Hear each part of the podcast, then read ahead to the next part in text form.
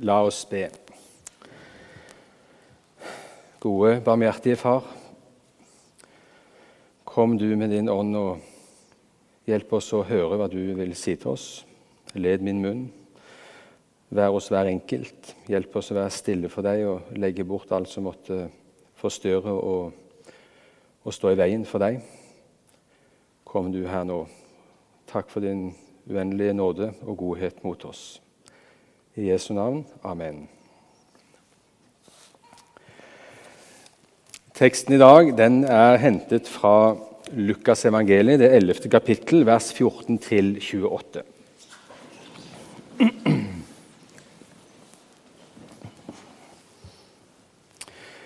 En gang drev han ut en ond ånd som var stum. Da den onde ånden for ut, så begynte den stumme å tale, og folk undret seg.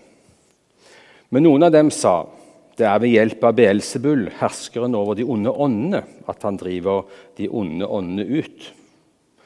Andre ville sette ham på prøve og krevde tegn fra himmelen av ham. Men Jesus visste hva de tenkte, og sa til dem.: Hvert rike som kommer i strid med seg selv, blir lagt øde, og hus faller på hus. Om nå Satan er kommet i strid med seg selv, hvordan kan da riket hans bli stående? Dere sier jo at det er ved Beelzebul jeg driver de onde åndene ut. Men hvis det er ved Beelzebul jeg driver ut de onde åndene, hvem er det da deres egne folk driver dem ut ved? Derfor skal deres egne dømme dere.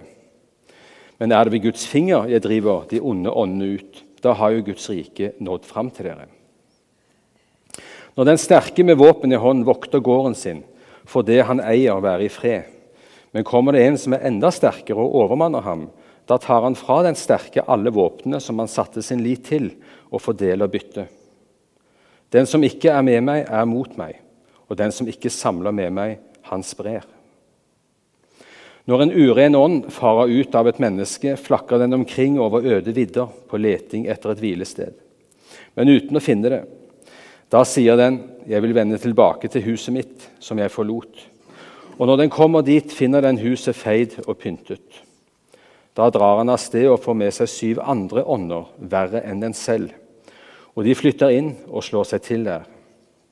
Og det siste blir verre for dette mennesket enn det første. Da han sa dette, så ropte en kvinne i folkemengden til ham. Salig er det morsliv som bar deg, og brystene som du diet. Men Jesus svarte, si heller, salige er de som hører Guds ord og tar vare på det. Slik lyder Herrens ord.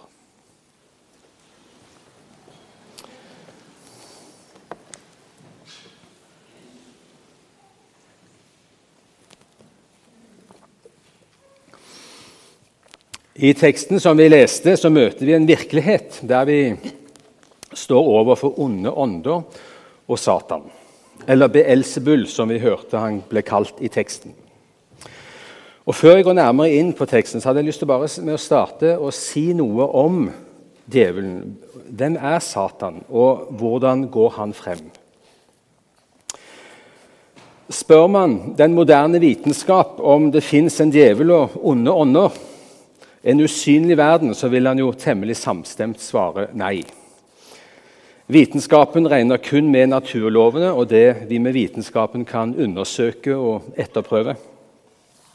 Man kan nok snakke om ondskap og det ondes problem, men at det onde er en personlig makt i vår tilværelse, det ser man bort ifra. Bibelen, Guds ord, den gir oss et ganske annet svar. Den vitner for oss at vi står i en alvorlig kampsituasjon. En åndskamp på liv og død. Og Bibelen vitner med klare ord om at det er en usynlig åndeverden som kjemper mot Gud og hans troende barn. Paulus sier i Efeserne 6.: For vår kamp den er ikke mot kjøtt og blod, men mot makter og åndskrefter, mot verdens herskere i dette mørket, mot ondskapens ånde her i himmelrommet. Guds ord lærer oss at det er en personlig ond makt i vår verden. Han er ikke et symbol han er ikke et bilde på det onde, men en navngitt, personlig ond åndsmakt. som er like virkelig som oss. Og den onde, denne, og han kalles med flere navn, for han kalles for djevelen, han kalles for Satan. Han kalles eh, den onde, han kalles denne verdens fyrste. Beelzebul, som vi hørte i dag. Fiende, løgnens far, frister og mer med. Han er den som representerer ondskapens ånde her, som vi hørte Paulus refererte til. Og verden som er uten Kristus, er under hans innflytelse. Det sier Skriften. Og Han kalles derfor også for denne verdens fyrste. Djevelen han kan ikke ses, for han er ånd. Eh, og Det betyr at det er kun Gud som kan avsløre han og åpenbare han for oss. I filosofien og religionene så finner man også mye omtale og beskrivelser av det onde eller den onde. Men disse fremstillingene som vi leser om andre steder, de vil alltid være mangelfulle. De vil være et vrengebilde av hvem han virkelig er. For de er ikke i stand til å se og si hvordan han er etter sitt vesen. For kan vi jo i noen Østens religioner høre om at han er like evig som Gud. Ja, vi hører til og med at han er skaper. Filosofien og religionene de er heller ikke i stand til å avsløre han, noe vi bl.a. ser i teksten i dag. De ser ikke forskjell på Jesus og djevelen. Det skal jeg komme tilbake til etter hvert. Det er Gud som må åpenbare han for oss slik som Paulus taler om det faktisk i Kolosserne 2, for der står det at Jesus kledde maktene og åndskreftene nakne og stilte de fram til spott og spe da han viste seg som seierherre over dem på korset. står det. Han stilte dem åpenlyst til skue, står det i den gamle oversettelsen. i 30-oversettelsen. Jesus avslører, han avkler og viser de fram, sier Paulus. Sånn som vi også møter i teksten i dag. Der Jesus er, der blir det avslørt. Men vi forstår det ikke uten at Gud åpenbarer det for oss.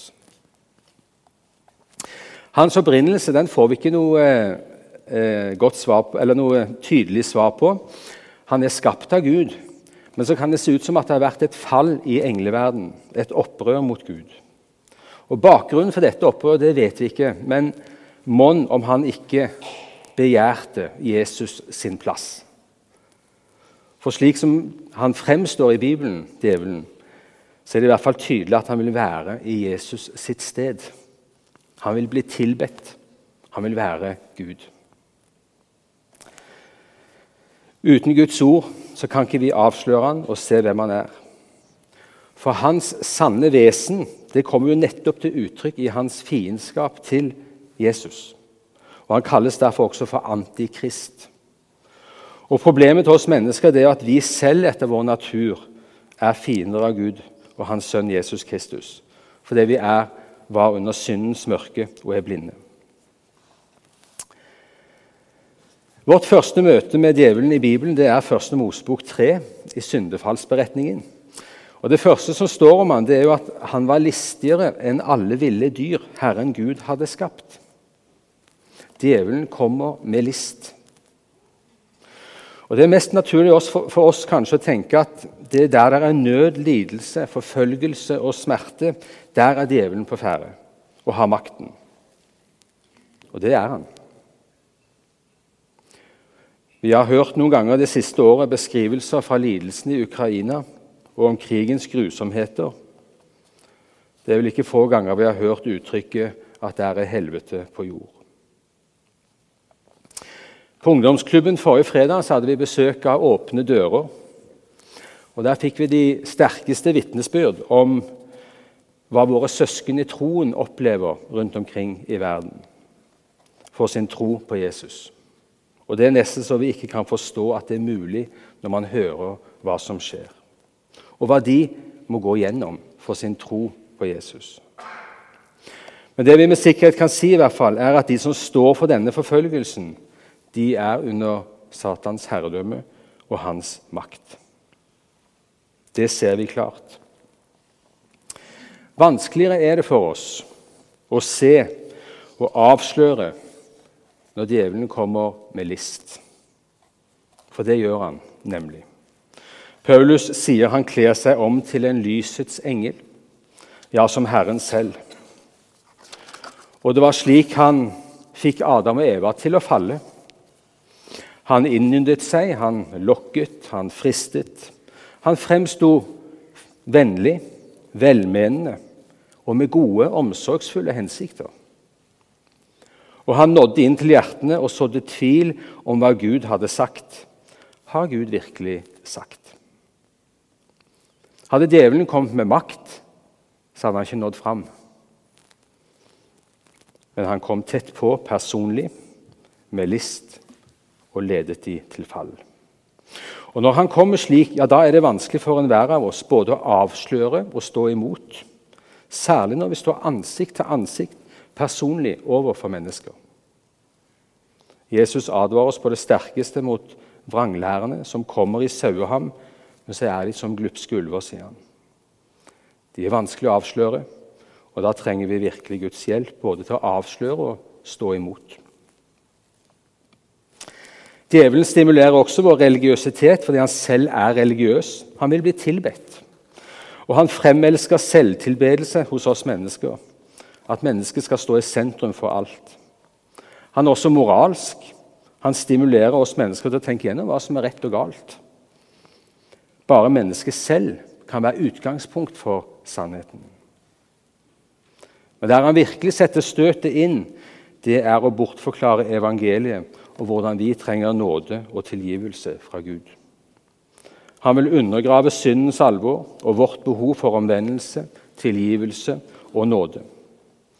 For i evangeliet så åpenbares Guds kjærlighet og nåde.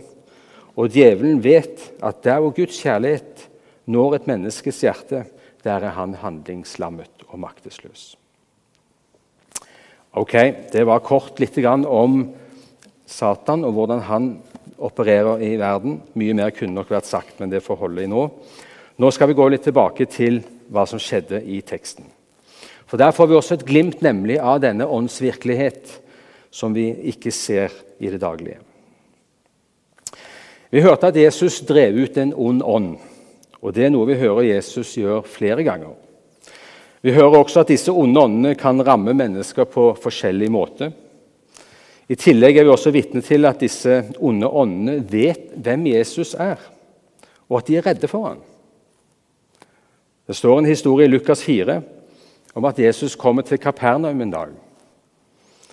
Og Der møter han på en mann som har en uren ånd. Og Så står det at denne mannen og ånden begynte å rope av all kraft. står det. Han skriker, og så roper han, 'Hva vil du oss, Jesus fra Nasaret?' 'Er du kommet for å ødelegge oss?' 'Jeg vet hvem du er, Guds hellige', sier han. Og Apostelen Jakob sier i sitt brev at de onde ånder kjenner Gud og skjelver. Hver gang Jesus står overfor dette, så viser han hvem som er herre, hvem som har makten. Og Han befaler dem å forlate den besatte, og de er alltid lydige når Jesus taler. Men det vi jo kan undre oss over i den historien vi leste, da, det er jo dette som jeg nevnte. Reaksjonen til folk, en del av de som sto og hørte på. De beskylder Jesus for å være i ledtog med Beelzebul, altså djevelen sjøl. Andre steder hører vi at de sier at Jesus er besatt. De er vitne til et stort under, og de er også kjent med de onde ånder. Og deres egne driver med demonutdrivelse, sier Jesus. Men når Jesus kommer, så ser de ikke at det han gjør, nettopp er et tegn på hvem han er. Og Tvert imot så begynner de å teste han ut og vil ha flere tegn. Men det sier jo noe om hvilken åndelig forfatning vi mennesker er i når man ikke kan skjelne Jesus og Satan fra hverandre. Forkynneren 9.1 står det ingen mennesker kan vite hva som ligger foran dem, om det er kjærlighet eller hat. Underlig ord. Jesus bruker så et bilde fra hverdagslivet for å forklare hva som har skjedd. Og Han forteller om en herre som eier en gård, og som setter noen til å vokte den. Men, sier han, kommer det en som er sterkere enn hans vakter, så avvæpnes de, og han tar fra ham alt og fordeler byttet. Og Det er akkurat det Jesus har gjort. Satan har stor makt, medhjelpere for å holde kontroll på oss mennesker, men Jesus har vist oss hvem som er sterkest. Han avvæpner dem alle, og han er overlegen. I Johannes 12, 31 sier Jesus, Jesus nå skal denne verdens fyrste kastes ut. sier han. Og Det innebærer at der Jesus er dødvokteren, der kommer ingen forbi. Når vi har ham, så kan ikke djevelen komme til eller inn i våre hjerter. Han kan angripe og ramme våre legemer, som vi hører om så mye i vår verden, at kristne forfølges. Ja, men han når ikke inn i hjertene og får tatt fra dem Jesus.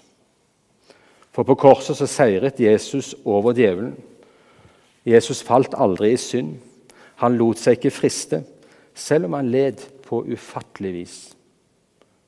Og Det vi skal huske på, er at Jesus seirer som vår bror over djevelen. Han er fullt og helt menneske. Han er lik oss i alt og står imot djevelen til siste slutt.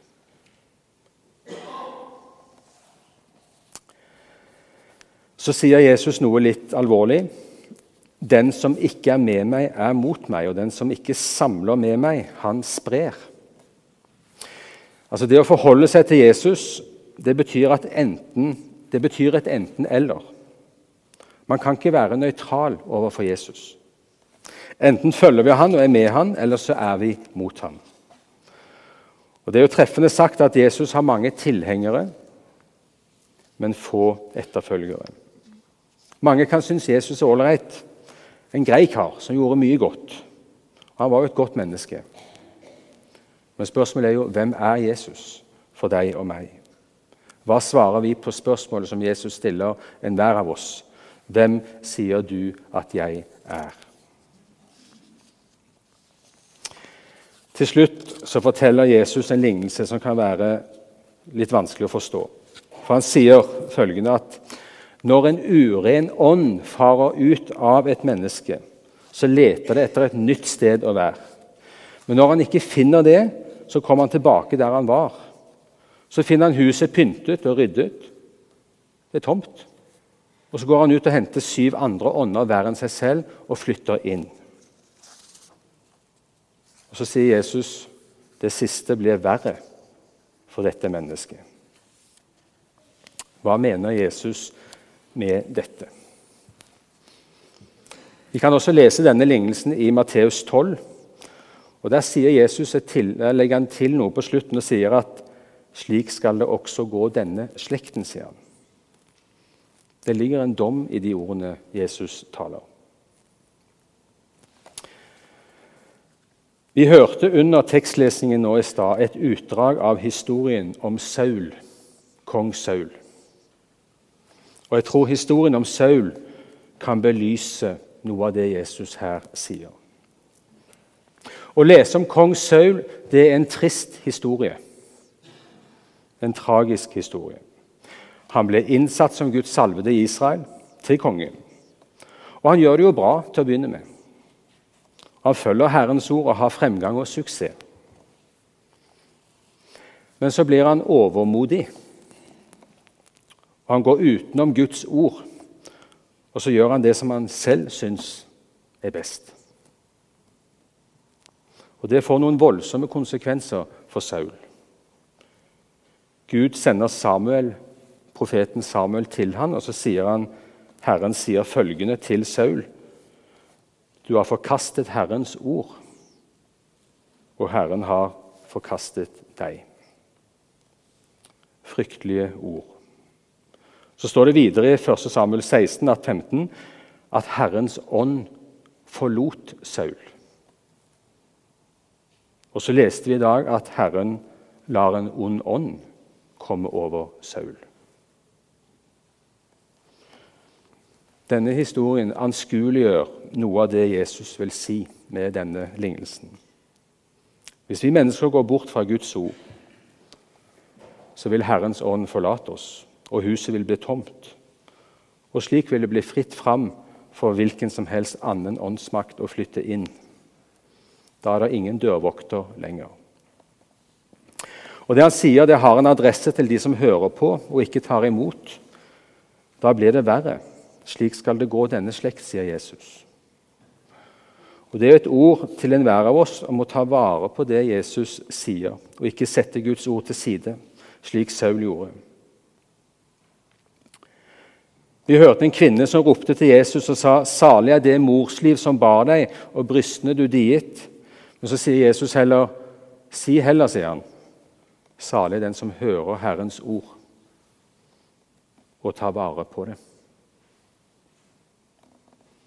Å ta vare på Guds ord vil si å huske på det, leve etter det, tenke på det, være stille for det og gi Gud rett og si amen til ham. Det er viktig å ta vare på Hans ord, så vi ikke vi lider samme skjebne som Saul. Det ser vi skje i vår tid. Man går bort fra Guds ord, og andre åndsmakter kommer og bringer en ny lære inn. Å bøye seg for Guds ord, ydmyke oss og være ærlig for Han, det er viktig. Og jeg tror vi alle synder mye der. At vi ikke tar til oss det Han sier. Vi har lett for å se andre som ikke gjør det, men vi kan være sikre på at det vi ser andre gjør, det gjør vi også selv. Det sier Guds ord klart, og det er en viktig erkjennelse i vårt hjerte. En som lærer oss dette og er et godt eksempel for oss, er profeten Daniel. I Daniel 9 så kan vi lese om han. Og Der står det at han har lest og studert profeten Jeremia. Og så har han oppdaget noe nytt der som han ikke hadde lagt merke til før. Og Det handlet om hvor lenge Israel skulle være i Babylon, som, Gud, som den straffen Gud hadde gitt folket for sin, uh, at de hadde forlatt ham. Og Da kan vi lese at han faller på kne og ber en lang bønn til Gud om nåde og tilgivelse for Israels utroskap, trass og at de vek av fra hans bud. Men det som er bemerkelsesverdig med Daniel, som virkelig er en av Herrens trofaste tjenere Jeg kan ikke huske at han gjør noe galt. Det står til og med i Esekel 14 at Daniel er som Jobb og Noah i sin rettferdighet. Altså Det er en voldsom, en utrolig attest han får fra Gud. Men når Daniel ber denne bønnen om tilgivelse, så innlemmer han seg selv. Han ber ikke om tilgivelse for folkets synder. Han innlemmer seg selv i det. Han vet han er en del av det. Han kjenner sannheten i sitt hjerte.